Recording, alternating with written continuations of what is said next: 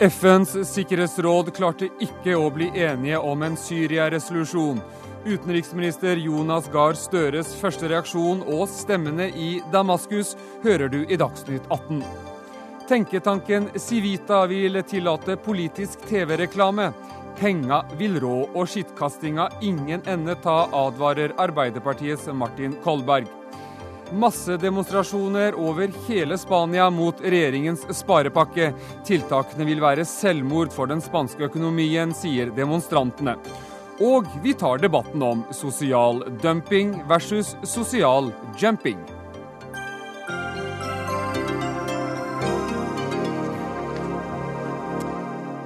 Velkommen til eh, Dagsnytt 18. Eh, Jeg heter eh, Erik Aasheim. Og aller først så skal vi til det diplomatiske spillet om Syria. For en knapp time siden så la Russland og Kina ned veto mot en ny resolusjon i FNs sikkerhetsråd om, om straffetiltak mot Syria. For tredje gang på ni måneder så, så brukte de to landene altså sin vetorett. Og USA-korrespondent Jon Gelius hvorfor ble FNs sikkerhetsråd ikke enige? Rett og slett eh, fordi Russland og Kina altså nektet å være med på en resolusjon som innebærer økonomiske sanksjoner og et eh, økt press på president Assad og hans regime. Og Dermed så klarte verdenssamfunnets eget sikkerhetsorgan nok en gang å spille fallitt i sitt forsøk på å få til en felles holdning overfor det syriske regimet.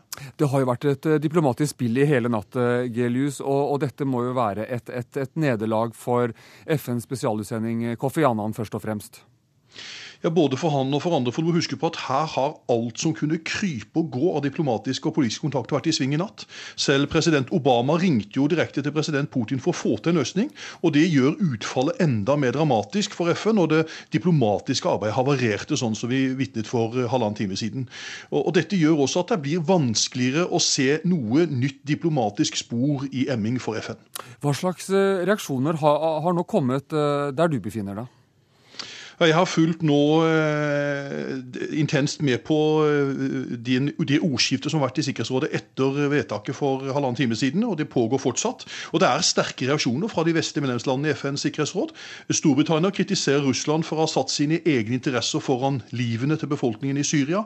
Frankrike mener veto viser at Russland fortsatt prøver å vinne tid for det syriske regimet og president Assad, mens USA sier at FNs sikkerhetsråd har forfeilet i sin viktigste oppgave, og sier rett ut at USA nå vil søke samarbeidspartnere utenfor FN for å øke sitt press mot det syriske regimet. Ja, Russland-korrespondent Hans-Wilhelm Steinfeld, er det grunn til å tro nå at Russland eh, eh, vil bli isolert av verdenssamfunnet med, med denne avgjørelsen?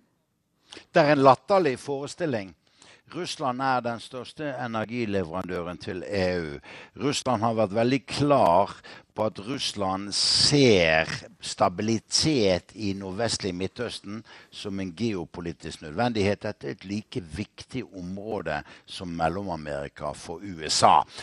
USA misbrukte etter Russlands mening FN-mandatet i Libya til å gjøre Nato-styrkene til en del av en borgerkrig. Og dette har vært et varslet veto. Og britene skal vel være litt tilbakeholdne, sier en rekke russiske kommentatorer i kveld, med tanke på at britene hykler seg til en rolle i Midtøsten som fritar dem selv for rollen som kolonimakt i dette området. Men Du var jo med i Dagsnytt 18 i går, eh, Steinfeld, eh, og også da eh, snakket om disse signalene som jo også var kommet fra det russiske lederskapet, som, som jo ga et grunn til håp også om at man kanskje skulle klare å finne et kompromiss. Ja, men Russland og Vladimir Putin mener opprørerne i Syria representerer radikale islamske aggressive grupper. I dag ble det gjennomført et drapsforsøk på muftien i Tatarstan, et islamsk område på fem millioner mennesker her i Russland. Og stedfortredende mufti ble myrdet. Det er klart at dette skjerper russernes skepsis mot de krefter som etter russisk synspunkt dominerer opprørsbevegelsen i Syria nå. Og dette er det helt nødvendige bakteppet for å kunne begripe hvorfor Russland tar på seg den belastningen med den kritikken som Frankrike, USA og Storbritannia nå retter mot Russland. Men Bak det hele Erik Aasheim ligger erfaringen fra Libya i fjor, der det ble vedtatt et mandat i FNs sikkerhetsråd. Russland avholdt seg. Målet var å så å si skjerme Libyas befolkning for Gaddafis luftvåpen. Etter russisk mening ble dette mandatet brukt til å gjøre Nato-styrkene til en del av en borgerkrig. Og i sitt eget nærområde, og det er Syria, vil ikke russerne finne seg slikt. Midtøsten-korrespondent eh, Sigurd Falkenberg Mikkelsen, du befinner deg nå i Damaskus, og det har akkurat nå kommet eh, meldinger om at opprørerne, skal ha gått til angrep på, på politiets hovedkvarter i, i, Damaskus. Eh, kan det tolkes som en, en reaksjon på, på avgjørelsen i, i FNs sikkerhetsråd? Nei, det tror jeg ikke. Hendelsene på bakken her foregår ganske isolert fra det storpolitiske spillet, i hvert fall sånn steg for steg. Så her tar hendelsene eh, den ene hendelsen etter den andre. Eh, sånn at eh, jeg tror man skal se det i det lyset, men heller se det som en del av denne kampen om Damaskus som nå foregår. Men vi skal også være klar over at disse meldingene kommer veldig spredt. så Det er ikke sikkert nødvendig at det er et stort koordinert angrep, men det kan være Eh, mindre trefninger i nærheten av det vi har sett eh, tidligere. i hvert fall. Og det har heller eh, da trolig ikke kommet noen reaksjon fra, fra, fra syriske ledere på, på, det som har skjedd i FN nå i ettermiddag? Nei, de har ikke akkurat noen offensiv PR-strategi i så måte. Men det er ikke noe tvil om at det russiske og kinesiske dobbeltveto er en livlinje til regimet her. Hadde de ikke gjort det, så hadde det vært blitt tolket eh, som om regimet var ferdig, sett i lys av gårsdagens eh, angrep på datapartiregimets innerste sirkel. Og I morgen så må jo de, de, de 300 FN-observatørene reise hjem fra, fra Syria. Falkenberg Mikkelsen. Hvordan opplever sivilbefolkningen det? For å være helt ærlig så tror jeg ikke de bryr seg så veldig mye om FNs tilstedeværelse her nå. De har mer enn nok med seg selv. Ehm, det er klart at For konflikten som sådan, for det store bildet, så, så kan FNs tilstedeværelse kanskje på sikt eh, bety noe. Men akkurat nå så er selve observatørstyrken, eh, bortsett fra noen, eh, på noen lokale steder, fullstendig måtte overgitt hendelsene her. og De går jo veldig mye fortere enn, enn hva de klarer å henge med i. og Det er jo lenge siden de hadde et observatøroppdrag som sådan. Den eh, norske generalmajoren Robert Mood trakk jo offisielt observatørene sine tilbake 15.6 fordi han mente volden var for høy her og for risikoen for stor. Og han dro hjem til, eh, han dro tilbake til Genéve i dag, den, den, norske generalmajoren? Ja da, jeg traff han i dag morges før han reiste og før han holdt sin siste pressekonferanse. Og han var da opptatt av at dette FN-oppdraget som han har vært med å bygge opp, Eh, kan forandre seg til å bli en struktur som kan brukes til andre formål, eh, nemlig å prøve å bygge kontakter og få da en mer politisk eh, rolle. Så sånn som jeg tror FN ser for seg den framtidige tilstedeværelsen, er litt avhengig av hva som skjer i Sikkerhetsrådet. Så er det vel at de har en mindre tilstedeværelse med noen militære observatører, men at det først og fremst blir det da et Eh, et politisk eh, verktøy på en annen måte enn det det har vært nå. Utenriksminister Jonas Gahr Støre, hvordan reagerer du på at FNs sikkerhetsråd nok en gang ikke klarte å bli enige? Jeg har to kommentarer til det. Det ene er at det er ytterst beklagelig eh, at FNs sikkerhetsråd, som er det øverste organet i verden vi har for å treffe tiltak mot noe som truer fred og sikkerhet og går utover sivile, ikke er i stand til å fatte vedtak. Her var det altså to veto, to avståelser, eh, men også elleve som stemte for.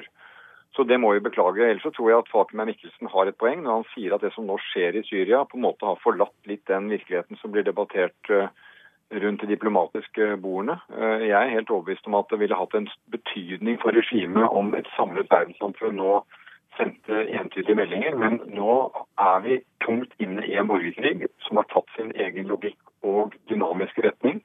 Eh, og dessverre så har det altså svekket de mulighetene som det internasjonale samfunnet kunne ha til diplomati. og Robert Moods reise ut, eh, den eh, er jo sørgelig, en sørgelig illustrasjon av det. Eh, Gahr Støre, du har veldig dårlig mobillinje, hører vi nå. Vi prøver å ringe deg opp igjen, og så tar vi et spørsmål her i studio først. Vi, til deg, Kari Karame, seniorforsker ved Norsk utenrikspolitisk institutt. Ingen enighet i FNs sikkerhetsråd. altså Hvor alvorlig er det? Vel, Jeg vet ikke om jeg skal overdrive alvorligheten, for det var vel ikke ventet at det skulle bli noe enighet. I hvert fall ikke sett ifra, hva skal vi si, fra bakken i Syria. Eh, det hadde, hvis det hadde vært en enighet, hadde det vært fantastisk. Men det har vært så mange nederlag egentlig for FN, mm. både når det gjelder denne konflikten og andre konflikter i, eh, i, området når det gjelder politiske avgjørelser. Så jeg tror ikke det spiller så veldig stor rolle, egentlig. Utenriksminister eh, Gahr Støre, du er med oss nå på, på telefon ja. igjen. Eh, Norge sitter jo ikke i Sikkerhetsrådet, men, men, har Norge likevel bidratt i dette diplomatiske spillet? Vi har jo tette forbindelser til Russland. Har, har du f.eks. vært i kontakt med, med dine russiske kolleger? Ja da, vi har vært det på de nivåene vi har kontakt med dem på. Men jeg, men jeg, tror, og jeg skjønner at spørsmålet stilles, og vi formidler det som er norske syn, både direkte til kolleger politisk og diplomatisk. Men jeg tror vi skal være nøkterne til å se at dette er noe som nå pågår nå mellom det vi kan kalle stormaktene. Uh, og de har låst seg i det maktspillet som nå er. Kina og Russland av årsaker som korrespondentene her belyste ganske godt. De har grunner til å innta de posisjonene de har. Eh, og dermed så får eh, dette som skjer i Syria sin egen dynamikk, og det får lov til å, vokse videre. Og Det som jo er faren, det er at denne borgerkrigen som har drept 10 000-15 000 mennesker, den har noen ganske uhyggelige trinn hvis den går videre. Og Det handler om regionale konsekvenser. altså Det kan antenne konflikter i nabolandene. Og Vi skal også huske på at Syria er et av de landene i verden med størst beholdning av kjemiske og biologiske våpen. Eh, og eh, nervøsiteten for de våpnene, hva som skjer med dem, den merker vi nå øker i mange kretser. Og det er det god grunn til, for dette er tross alt eh, uhyggelige og farlige ting. Særlig hvis et land og et regime er i ferd med å gå i oppløsning. Mm. FNs observatørstyrke skal jo forlate Syria i morgen. Det må de jo, fordi oppdraget er, er, på en måte avsluttet. Og etter at FNs sikkerhetsråd ikke klarte å bli enig, så, så er den hjemturen endelig. Er det alvorlig, Gahr Støre, at, at FN-observatører ikke lenger vil være i landet? Ja, I forhold til alt det annet som skjer der, så er det av de mindre alvorlige ting. Men det sier jo da noe om at den rollen de kunne spilt, hvis det var en politisk prosess, den er det ikke grunnlag for å spille nå. Nå tror jeg det kommer til å bli arbeidet for å få til noe rundt i hvert fall prinsippet om observatører. Men jeg vil bruke denne anledningen til å si at de har gjort en god jobb under omstendighetene. Vår general Robert Mood har gjort en meget god jobb, og det har jeg hørt i mange sammenhenger at han har høstet stor anerkjennelse for under svært vanskelige omstendigheter. Men den type nærvær av noen hundre observatører som ikke er bevæpnet, har egentlig liten mening om ikke partene, og her snakker vi om alle partene, er interessert i å bruke den ressursen de er. For da, når det er sånn som det har vært nå, så er det bare farlig for dem å være der. Eh, og de kan bli tatt til inntekt og bli brukt og manipulert av partene, som vi også har sett eksempler på. Så det er sørgelig at den ressursen ikke ble brukt. Så får vi håpe at mm det kommer en dag at den kan brukes. Uh, Kari Karame ved, ved NUPI, du, du, kom hjem fra nabolandet eh, Libanon i, i går, og, og, du har jo hatt mye kontakt også med Syria på, ja. på, på, på telefon. Og, og, Hvilken tiltro har de til at FN kan bidra til å bedre situasjonen i landet? Foreløpig ikke så mye. Jeg tror de kan ha veldig tiltro til FN når det gjelder humanitær innsats. Uh, men uh, ikke som å gå inn det, altså, noen ønsker det jo, det er helt opplagt. Men sånn som situasjonen er på bakken, så er det ikke mulig. Er for, eh, opposisjonen er for sammensatt. Det er ikke én styrke, ett fritt område de kan gå ut ifra. Eh, så, så, mange er også redde for egentlig hva, hva skjer hvis regimet faller. Mm. Eh, så FN har nok eh, hva skal vi si, de, de, de, ser ikke FNs rolle, egentlig. Men hva er de redd for da, hvis, hvis regimet faller? Er, er, er, det da hvem som skal overta?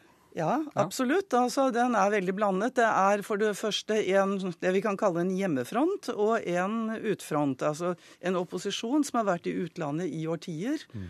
Uh, og det er altså en hjemmefront som er kommet opp egentlig ganske raskt i, i løpet av dette tidene, og den er sammensatt også mellom kan vi si, moderate krefter, eh, muslimbrødre, men også mer og mer hører vi om salafister. Mm. Det er et eh, sterk, stadig sterkere innslag av religiøs identitet mellom, som, altså, som skiller de to uh, hovedgruppene. Uh, i konflikten. Og der er Støre inne på noe veldig viktig, for dette kan spre seg til, her, altså til nabolandene. Både da Irak, Jordan, Libanon og kanskje inn i Gulfen. Men likevel så tror du ikke en militær uh, intervensjon vil hjelpe i konflikten på dette tidspunktet? Nei, jeg ser vanskelig hva den kan gjøre. Den, den, må, de må nesten da rasere det som er igjen. Eh, Damaskus er nå, over, altså nå, overlatt til krigen. Kampene eh, mellom regjeringsstyrker og opprørerne har altså nådd hjertet av Syrias hovedstad, som vi har hørt. Og, og Forrige fredag så hørte vi om, om, Hanan, som er oppvokst i Syria, og som skulle reise til Tyrkia for å møte familien hennes, eh, som ville forsøke å flykte fra Syria. Og Hanan, vi har med deg nå på, på telefon fra, fra Tyrkia. og Hva betyr det for din familie at verdenslederne ikke klarte å bli enige om hva man skal gjøre med situasjonen i Syria? Eh, det betyr det jo klart liv eller død. Eh, jeg, jeg hørte deg så dårlig. Kan du ta spørsmålet om igjen? Ja, jeg skal, jeg skal, ta spørsmålet. Det at verdenslederne nå ikke klarte å bli enige om hva man skal gjøre ja. med situasjonen i Syria, hva kan det bety for ja, din familie? Det er, det er, veldig synd at de ikke klarte det. Og, og det betyr veldig mye. fordi uh, det, det, var den eneste håp folk hadde, som de mister nå, egentlig. Mm. Og, og, som de ser, og du vet at ting blir bare verre og verre, men, men, men de forstår også, de har skjønt, at uh, disse menneskene her, de holder aldri i noen avtale eller uh, Altså de, de, de, de holder aldri Altså disse avtalene har aldri fungert. Men nå er du altså i Tyrkia, og din familie skulle ha kommet over grensen. Har de klart uh, å, å, rømme landet? Nei, de, uh, de, det ser ut som de kommer ikke til å klare dette.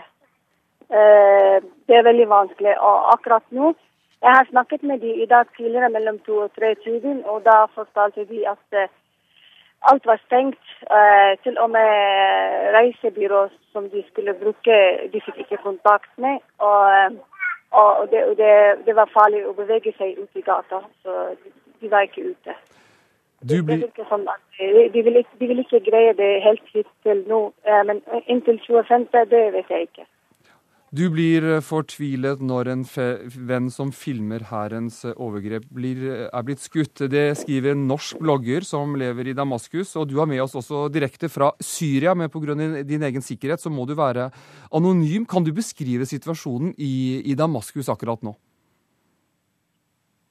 Um, akkurat nå så er det uh, rolig, men det har vært kontinuerlig bruk av bomber og helikopter de siste fire dagene, egentlig. Og nå er det også akkurat det øyeblikket her at jeg ser opp mot fjellet her, hvor det er en voldsom røykutvikling, uten at jeg vet hva det er. Voldsom uh, røykutvikling. Ja, det kan kanskje være, være, politiets hovedkvarter som opprørerne nylig skal ha angrepet. Jeg vet ikke om det er den retningen du ser, ja? Uh, det er mulig. Det er, litt, det er vanskelig det er mye bygninger ja. imellom, men kanskje. Men vi, vi, må bare beklage de, de, dårlige telefonlinjene til eh, både Tyrkia og, og, og, Syria. Så eh, vi vurderer om vi skal prøve å ringe opp dem senere i sendingen. Men, men eh, vi skal sette punktum her. Men helt kort til slutt, Kari Karame ved, ved NUPI. Diplomater og opprørere hevder at Assad nå befinner seg ved et feriested langs uh, kysten. Kan det bety at regimet står for fall? Ja, det, det, er jo én ting det virkelig kan bety. For dette er jo et område som er opprinnelig i majoriteten alawittisk. Og det har lenge, også fra hans fars tid, gått si, ikke rykter om, men vært en, eh, vært en mulighet for at alawittene da skulle fått sitt eget område her. fått en kanskje en stat, at det da kunne gå i retning av en federalstat. Så det er mye mulig han trekker seg tilbake strategisk til et område hvor han har stort støtte.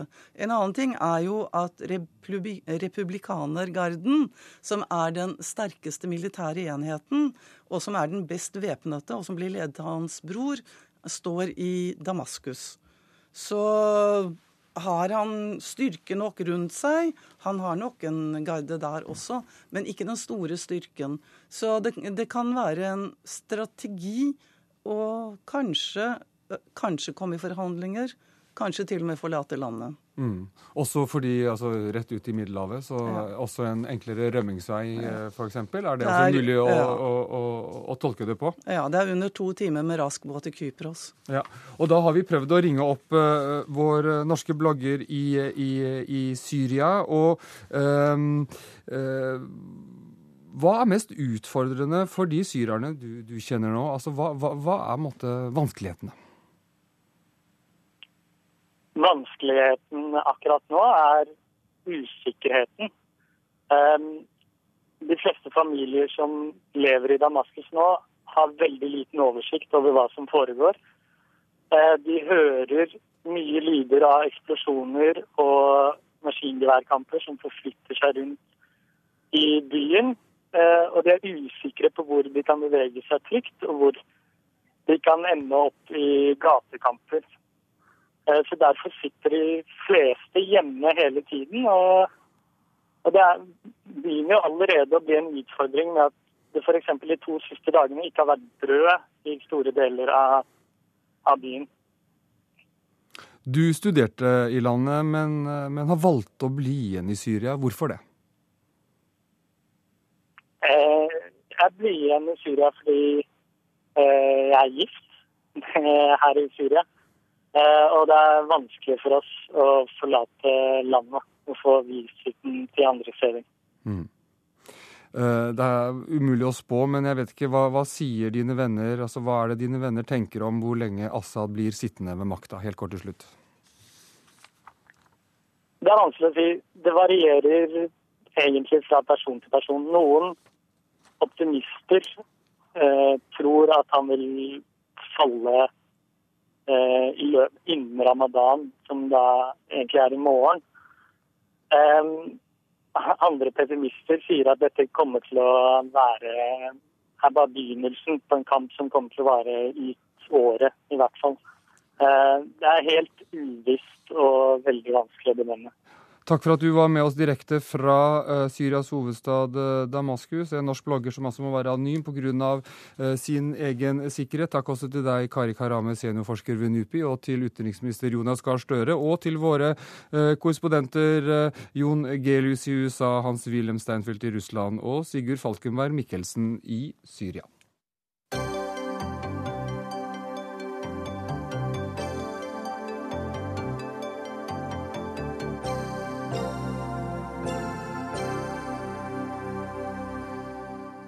Mens norske barn eh, bare blir fetere og fetere, fetere, så lider norske skoler av gymlærere med dårlig kompetanse. En undersøkelse utført av Norges idrettshøyskole viser at mer enn eh, halvparten av kvinnelige kroppsøvingslærere ikke er kompetente nok. Og blant mennene har kun én av tre gymlærere blitt utdannet eh, innen dette faget de da skal undervise i. Og Mette Hanekamhaug i Stortingets utdanningskomité for Fremskrittspartiet, hvem har skylda for at det står så dårlig til med norske gymlærere? Nei, det er jo selvfølgelig dem som makta som sitter eh, i dag, nemlig dagens regjering. De har nå sittet med makta i sju år, og de har ikke vist vilje eller evne til å gjøre en endring på dette. Vi i Fremskrittspartiet vi er helt klar og tydelige på at vi må øke fysisk aktivitet i skolen. Både eh, barneskolen, ungdomsskolen og videregående trinn. Og da er det også viktig at det er kompetent personell som underviser i både kroppsøvingfaget men også andre fag. Og vi ser det nå, at flere lærere i den norske skolen underviser i fag som de ikke har kompetanse i. Rett før sommeren så behandla vi et forslag som gikk på kompetansekrav til lærere for fag, der regjeringa møtte oss litt på vei, men på langt nær nok, fordi at de har laga så mange unntaksregler at det i bunn og grunn ikke vil føre til bedring eller endring i hele grunnutdanninga. Dette er for dårlig. Dette må vi ta tak i, og vi i Fremskrittspartiet mener det, at etter sju år uten vilje eller evne til å gjøre noe med det, så er det på tide med en kursendring. Ja, Stine Renate Håheim, du sitter i Stortingets utdanningskomité for Arbeiderpartiet og nikket for så vidt når, når Hanekamhaug kom med sin eh, beskrivelse av, av situasjonen i, i, i, skolen. Men hvorfor har dere ikke gjort noe? Dere har hatt syv, syv, syv, år på dere, som Frp sier. Først har jeg lyst til å si at jeg syns det er veldig fint og flott eh, at Fremskrittspartiet nå er enig med Arbeiderpartiet og resten resten av den rød-grønne regjeringa i å ha et bredt eh, kunnskapssyn, og at fysisk aktivitet og den type fag er viktig i skolen, så vil jeg bare ønske Frp lykke til når de skal forhandle med resten av de borgerlige eh, partiene om det. For de latterliggjør jo oss når vi snakker om viktigheten av den type fag. Så har vi gjort en eh, rekke tiltak. Både at denne regjeringa har satt i gang en historisk satsing på etter- og videreutdanning, som er viktig for å løfte kompetansen blant norske lærere. Men snakker vi, altså, snakker vi nå generelt, altså, eller snakker vi nå kun i gymfaget? Ja, altså Dette gjelder også gymfaget. Etter- og videreutdanning er også. Men det man ser Men har det blitt flere kompetente lærere av det, da? Ja, det har det. Det er mange lærere som går gjennom eh, denne etter- og videreutdanninga. Eh, og- men det vi ser, er vel kanskje at kommunene ikke er flinke nok til å prioritere kroppsøvingsfaget når man skal prioritere hvilke lærere som får dra på etter- og videreutdanning. Så er det som Mette Hanekamhaug sa, eh, så behandla vi en, eh, et lovforslag rett før sommeren. Noe av det siste vi gjorde da vi, før vi tok sommerferie. Og Der var det et forslag fra regjeringen nettopp for å styrke kravet til undervisningskompetanse. Så har vi i første omgang prioritert basisfagene. Og jeg er veldig glad for at vi nå endelig har greid å snu den trenden som er i norsk skole, og at norske elever nå er bedre på regning og matte eh, og norsk. Hannekam. Haug, du, du, du sitter Ja. i studioet vårt i Molde, så jeg vet ikke hvor mye du ristet på hodet når, når HR pratet her, men jeg, jeg syns jeg hørte noen gryn som tydet på at det gjorde du. Ja, altså, Hele problemet her er jo det at regjeringa har sittet med makta nå i snart to fulle perioder. Og de er veldig flinke til å lovprise og til å snakke positivt om ulike forslag. Men har det ikke blitt bedre, da? Men så gjør de ingen konsekvent Nei. For det, for det første, de snakker om ja, det er positivt med mer kompetansekrav til lærerne. Men samtidig, i det samme forslaget, så sørger de for at det er så mange unntak for lærerne at de i bunn og grunn kan øh, øh, komme i en situasjon hvor vi ikke får endring. Samtidig snakker de om at det er viktig med tidlig innsats, men de åpner samtidig for at det skal være mye lavere krav til kompetanse på lærerne som er på de laveste trinnene. Og ja, som Håheim nå sier, så uttaler de positiv støtte til Fremskrittspartiet sitt forslag om mer fysisk aktivitet i skolen. Men det gjenstår å se når vi skal behandle dette til høsten, om de kommer til å stemme for. Og jeg ønsker regjeringspartiene hjertelig velkommen til å stemme for Fremskrittspartiet sitt forslag om én time fysisk aktivitet hver dag i Ja, skolen. Vil du stemme for det? det tviler jeg på at han kommer til å gjøre. Arbeiderpartiet har sagt at vi ønsker en mer helhetlig skoledag, hvor man bl.a. har en time fysisk aktivitet i skolen Ja hver dag. eller nei, Håheim? Og det som Ja, men eh, ja, Her var forslaget hver dag. Én time hver dag. ja, det er dit vi vil. Det er jeg helt enig i. Ok, Så du er enig med Frp her, så da blir det, da blir det enighet om dette? da? Ja, men ting tar litt tid. Og så vil jeg si at Ja, det har tatt syv år, hører Ja, vi, eh, hører men- vi nei, men vi har- Hannekam Haug si her. Jo, men vi har gjort en rekke grep.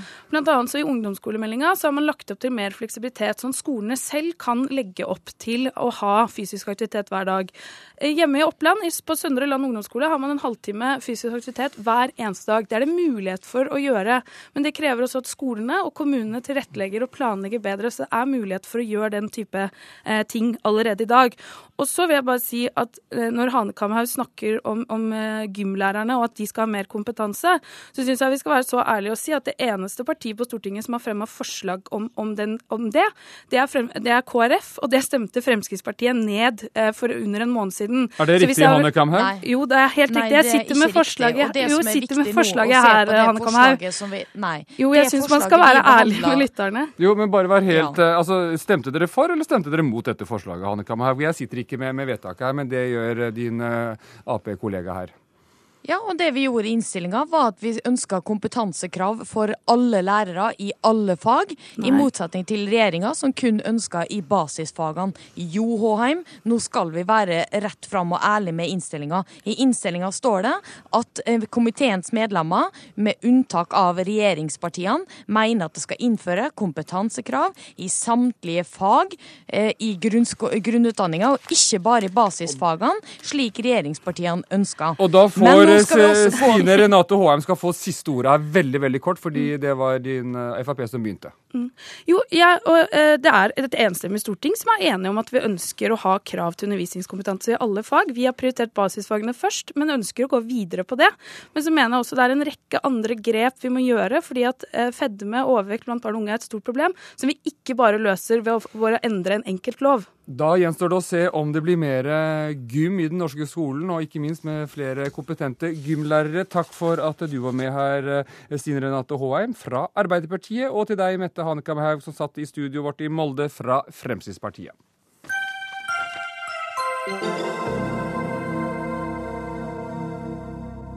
Vi skal til Spania. I kveld så er det planlagt store demonstrasjoner i 80 byer over hele landet i protest mot nedskjæringene til regjeringen. Og europakorrespondent Hege Moe Eriksen, du er ved demonstrasjonen i Madrid, som skal starte klokka 20.30. Og, og har demonstrantene nå begynt å dukke opp?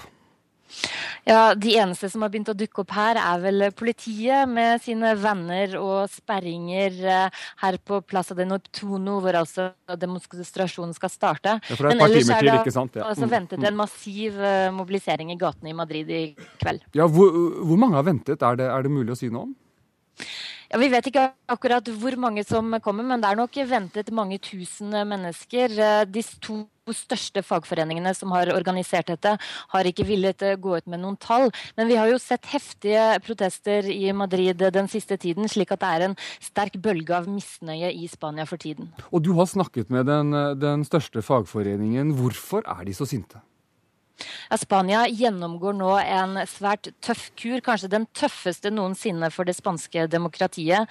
Det er kutt på alle fronter. Kutt i lønninger, kutt i antallet ansatte i offentlig forbruk, samtidig som skattene øker. Og jeg har snakket snakket med fagforeningstopper i dag som er eh, svært misfornøyde med regjeringens politikk, og som sier at eh, disse kuttene bidrar ikke til annet enn å kjøre landet dypere ned i resesjon. Eh, og de mener altså at denne politikken rett og slett vil ruinere Spania.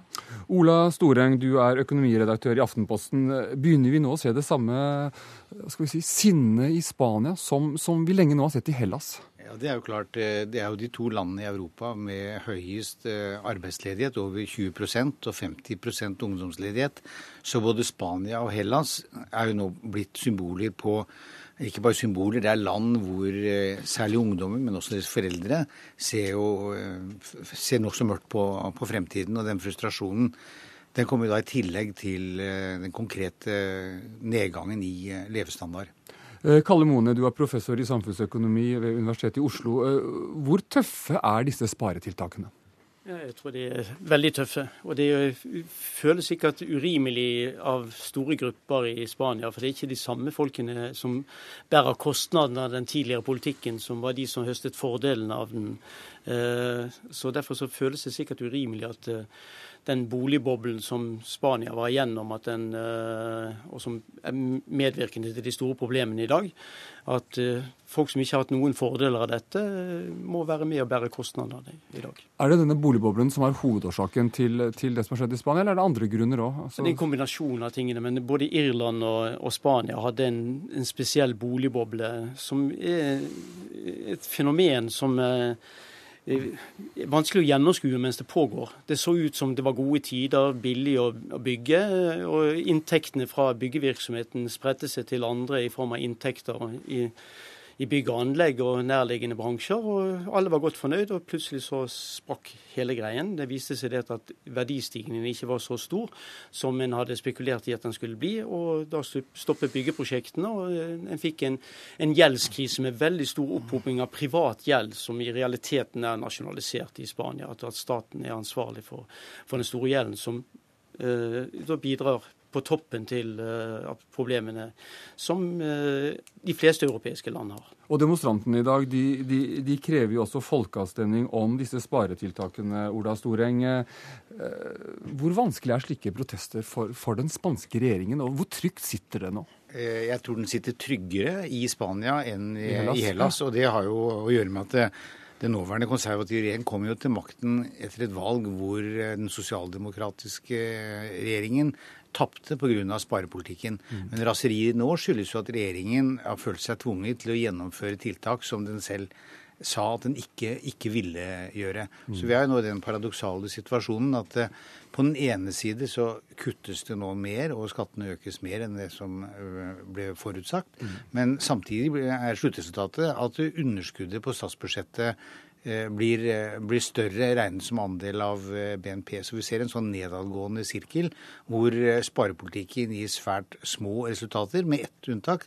Og det er at det har blitt en slags balanse, en slags kanskje pervers balanse, i Spanias utenriksøkonomi ved at importen har falt så sterkt at Spania nå for første gang da faktisk greier å betale for importen sin. Akkurat. Men, men, på første gang på lenge. Akkurat. Men, men, har vi også litt mer sympati for spanjolen? Altså Hellas, der var det jo mange saker om at det var denne, disse voldsomme gunstige pensjonsordningene, det var beskyldninger at, eh, at folk ikke betalte, betalte skatten sin osv., mens, eh, mens spanjolene i sterk grad eh, er, er, er offer for, for, boligboble. Er det måte, lettere å, å, ha sympati for dem? Ja, det tror, det, er, det tror, jeg det er. Nå er det mange skal jeg kalle det, rariteter i det spanske samfunnet som har fått lov å utvikle seg over lang tid. Ja, for eksempel. Blant annet arbeidslovgivningen, som har gjort det veldig vanskelig å få en stor nok sysselsetting i i, i, landet. Men det er jo veldig interessant at Spania og Irland, som Kalle Mone her nevnte, det var jo land som uh, ved innledningen til eh, finanskrisen 2008 jevnt over hadde bedre offentlige finanser mm. enn Tyskland. Så det vi har sett, det er jo altså at hvordan fra rundt år 2000, når eh, euroen kom i sving, så ble det plutselig veldig mye lettere både for private og for stater å låne penger.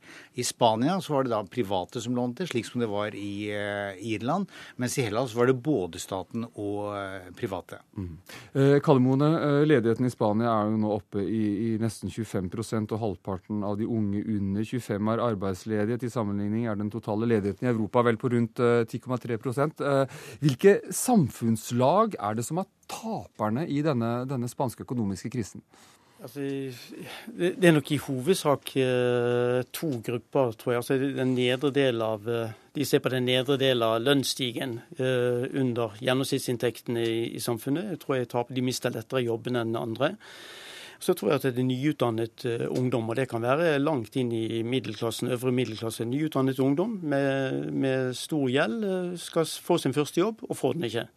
Og uh, føler at tiden går og blir frustrert, og mange av de flytter jo. Det er jo en, en, prosess som f.eks. Norge kunne høste fordel av hvis en var på offensiven.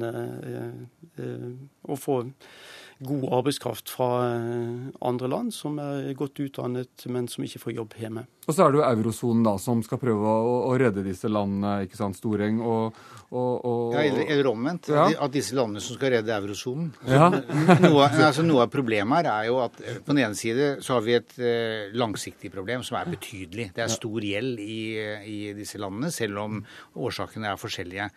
Men eh, på kort sikt så er det jo ikke sikkert at det er lurt. Tvert imot. At alle da skal begynne å prøve å, å redusere sin gjeld samtidig. Det er mm. faktisk matematisk, eh, matematisk umulig. Så det vi på en måte ser nå, det er jo at eh, alle land eh, nesten i eurosonen eh, forplikter seg til å kjøre en stram budsjettpolitikk. og Det gjelder mm. også Spania og, og Hellas. I, I, et slags håp om at det skal eh, hva skal, hva skal, jeg, si da, vise at de søreuropeiske landene er stuerene nok til å få være med på ferden videre, slik at eurosamarbeidet kan eh, bestå. Men vi nærmer oss kanskje altså et, et, tidspunkt hvor spørsmålet er om euroen er løsningen eller problemet. Men du skriver i Aftenposten i dag Storing, at USA er skeptiske til den politikken som føres i Europa, og det at måtte, det store far står og overvåker dette. Hvordan påvirker dette situasjonen? Jeg tror ikke noe særlig, særlig mye, egentlig. Jeg tror uh, europeerne kjører sitt eget løp. De har sin egen, krisen har sin egen politiske eh, dynamikk. De sier jo dessuten at Eh, USA, som da har en mer aktivistisk politikk nå på kort sikt, bruker penger, setter ned mm. Sentralbanken er veldig aktiv. De har også et gjeldsproblem som de ikke helt greier å håndtere. Og Det er jo egentlig det som skremmer et land som Tyskland, når du ser at amerikanerne som dem bruke mer penger nå, heller ikke greier å håndtere sine langsiktige problemer. Så spør de kan vi da risikere å få ikke bare Spania og Hellas, men mhm. flere land i, i fanget. Og Da velger de altså en nedskjæringspolitikk som jeg tror er eh, veldig kortsiktig, men eh, politisk er det veldig vanskelig å tenke seg en annen løsning, antagelig. Kalle Mone, helt kort til slutt. Hva slags håp er det for Spania? Eh, det er håp, men det tar tid. Og det som du ser i Både Europa så er det kamp om hvem som skal plukke opp regningen for de store problemene. Og innad i Spania er det kamp om hvem som skal plukke opp regningen. Og Det som er, problemet her, det er at, den tillit som det mangler mellom partene når det er konflikt om de tingene, de forhindrer også de langsiktige løsningene. Takk for at dere var med i Dagsnytt 18, Kalle Mone, som altså er økonomiprofessor, og Ola Storeng, økonomiredaktør i Aftenposten.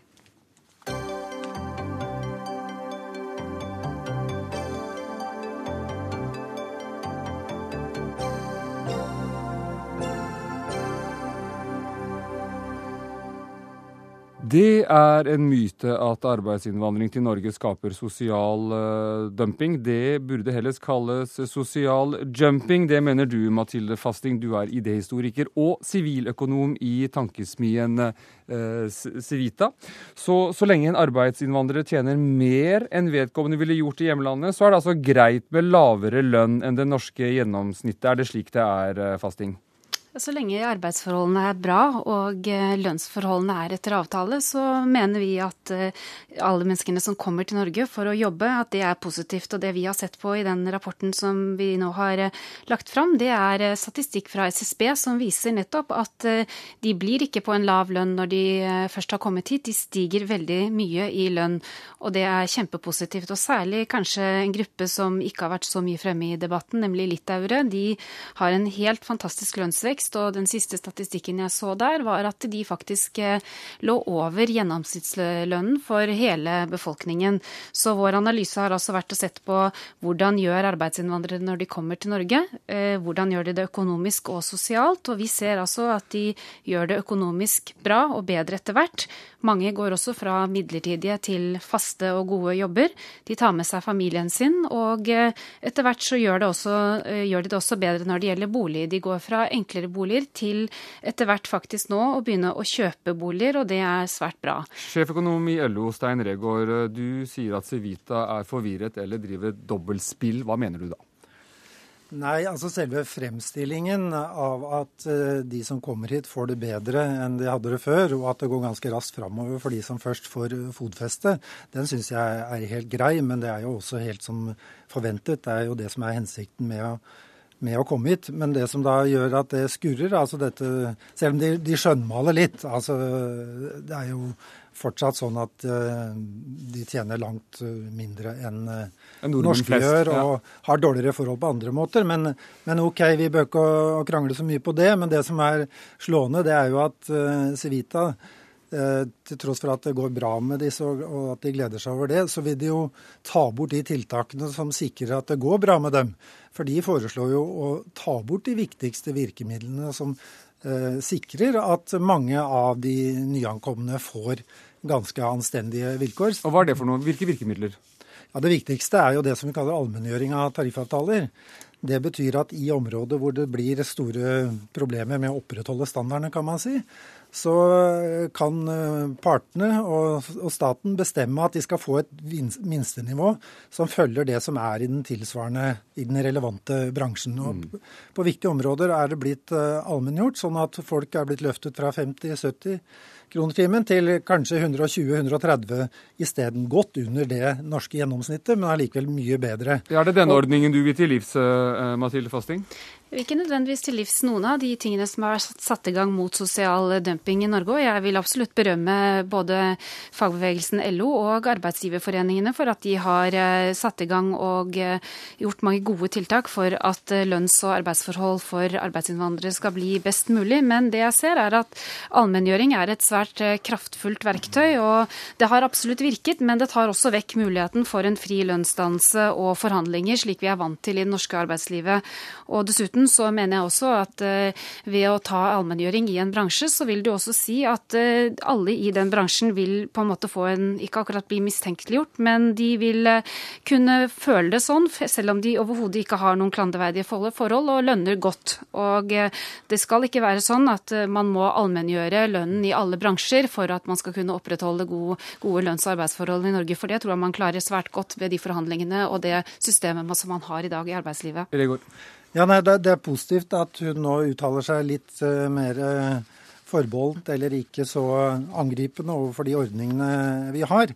Uh, men hun fastholder jo at den ordningen ikke bør være der. Og det har jo selvfølgelig aldri vært snakk om å allmenngjøre alle områder av, av norsk arbeidsliv. Det er jo det reneste tull. Men når Dette skjer etter en nøye vurdering hvilke områder ja. en går og gjør dette. Men Regård, når, når mennesker tjener opptil fem ganger mer i Norge enn i moderlandet, er, er, er ikke dette bra for begge parter? da? Altså Norge trenger også arbeidskraft?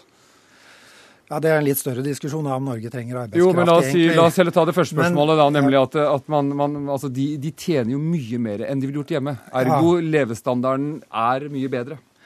Det, det, er ett perspektiv, og det er jo dette som eh, Civita dro til det aller ytterste i dag. når eh, henne, eh, Mathilde Fastings sjef i Civitas eh, sammenlignet allmenngjøringen med tiggere, og mente at eh, man kom eh, mye bedre ut enn tiggerne, sånn at eh, de allmenngjorte områdene kunne nøye seg med mye mindre. Og Da snakker du om Kristin Clemet, men, men, men, hun er ikke med i, i denne debatten nå. Men, men, ja. Hun er jo representert, da.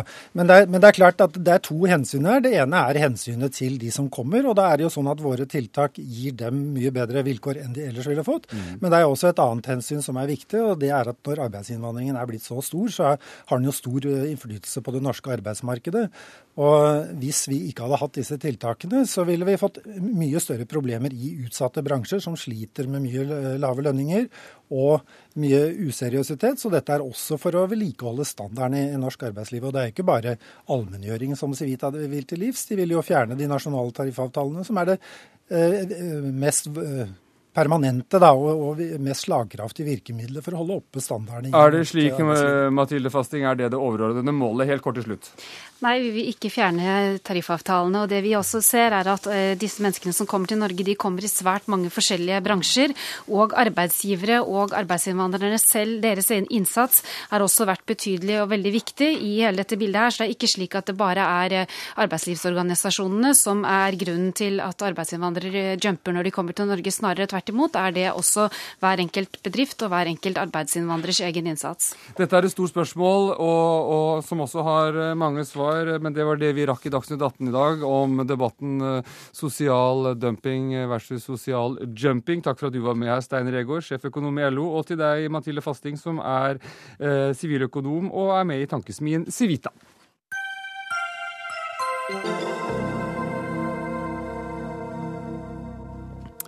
Hizbollah kan stå bak selvmordsangrepet på de åtte israelske turistene som ble drept i en busseksplosjon i Bulgaria i går. Det mener iallfall Israel, som tror det er Iran som står bak og trekker i trådene. Og tidligere Midtøsten-korrespondent her i NRK, Odd Karsten Tveit, har israelerne grunn til å tro det?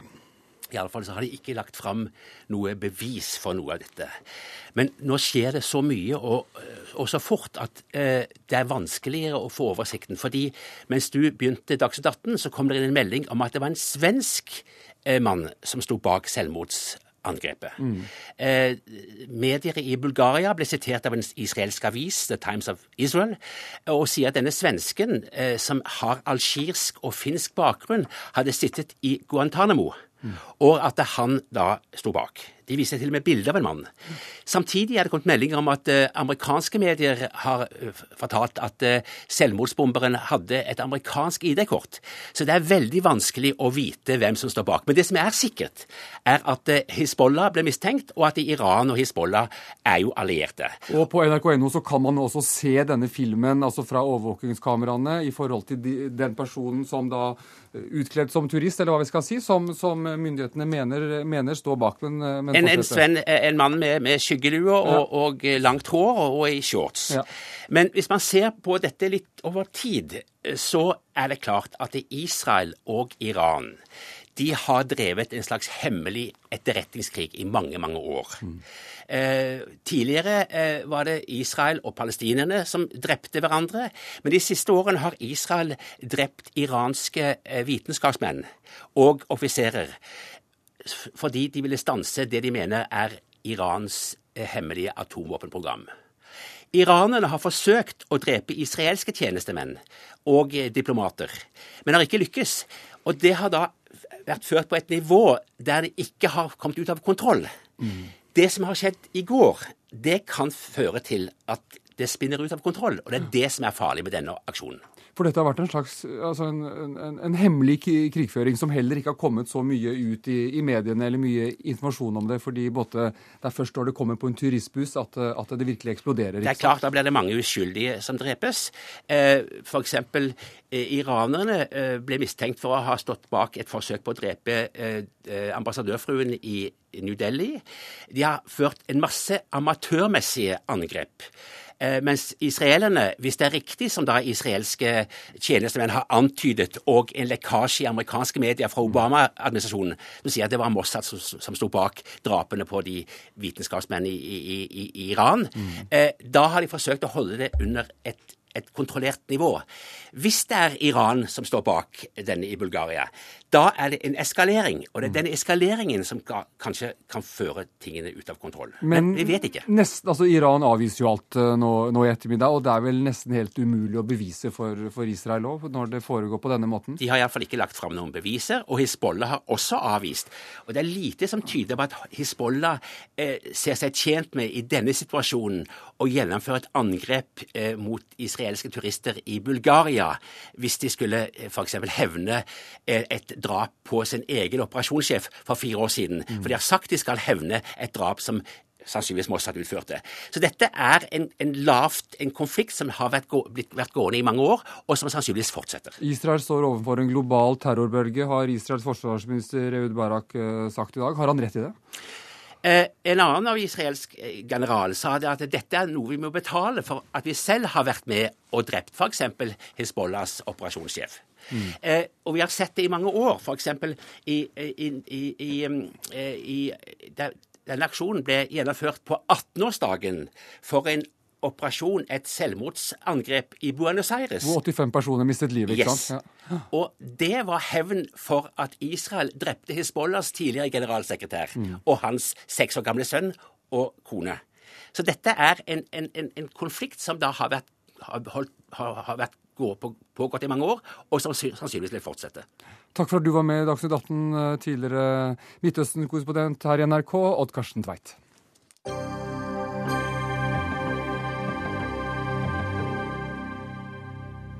Så skal vi til slutt her i Dagsnytt 18 eh, snakke om eh, politisk reklame på TV. I 2001 åpnet den borgerlige regjeringen for at staten kunne kjøpe mange flere plasser på private helseklinikker. I 2005 tok den rød-grønne regjeringen over. De strammet inn muligheten for staten til å benytte private klinikker. Hittil har helsekøene økt med 35 000 mennesker.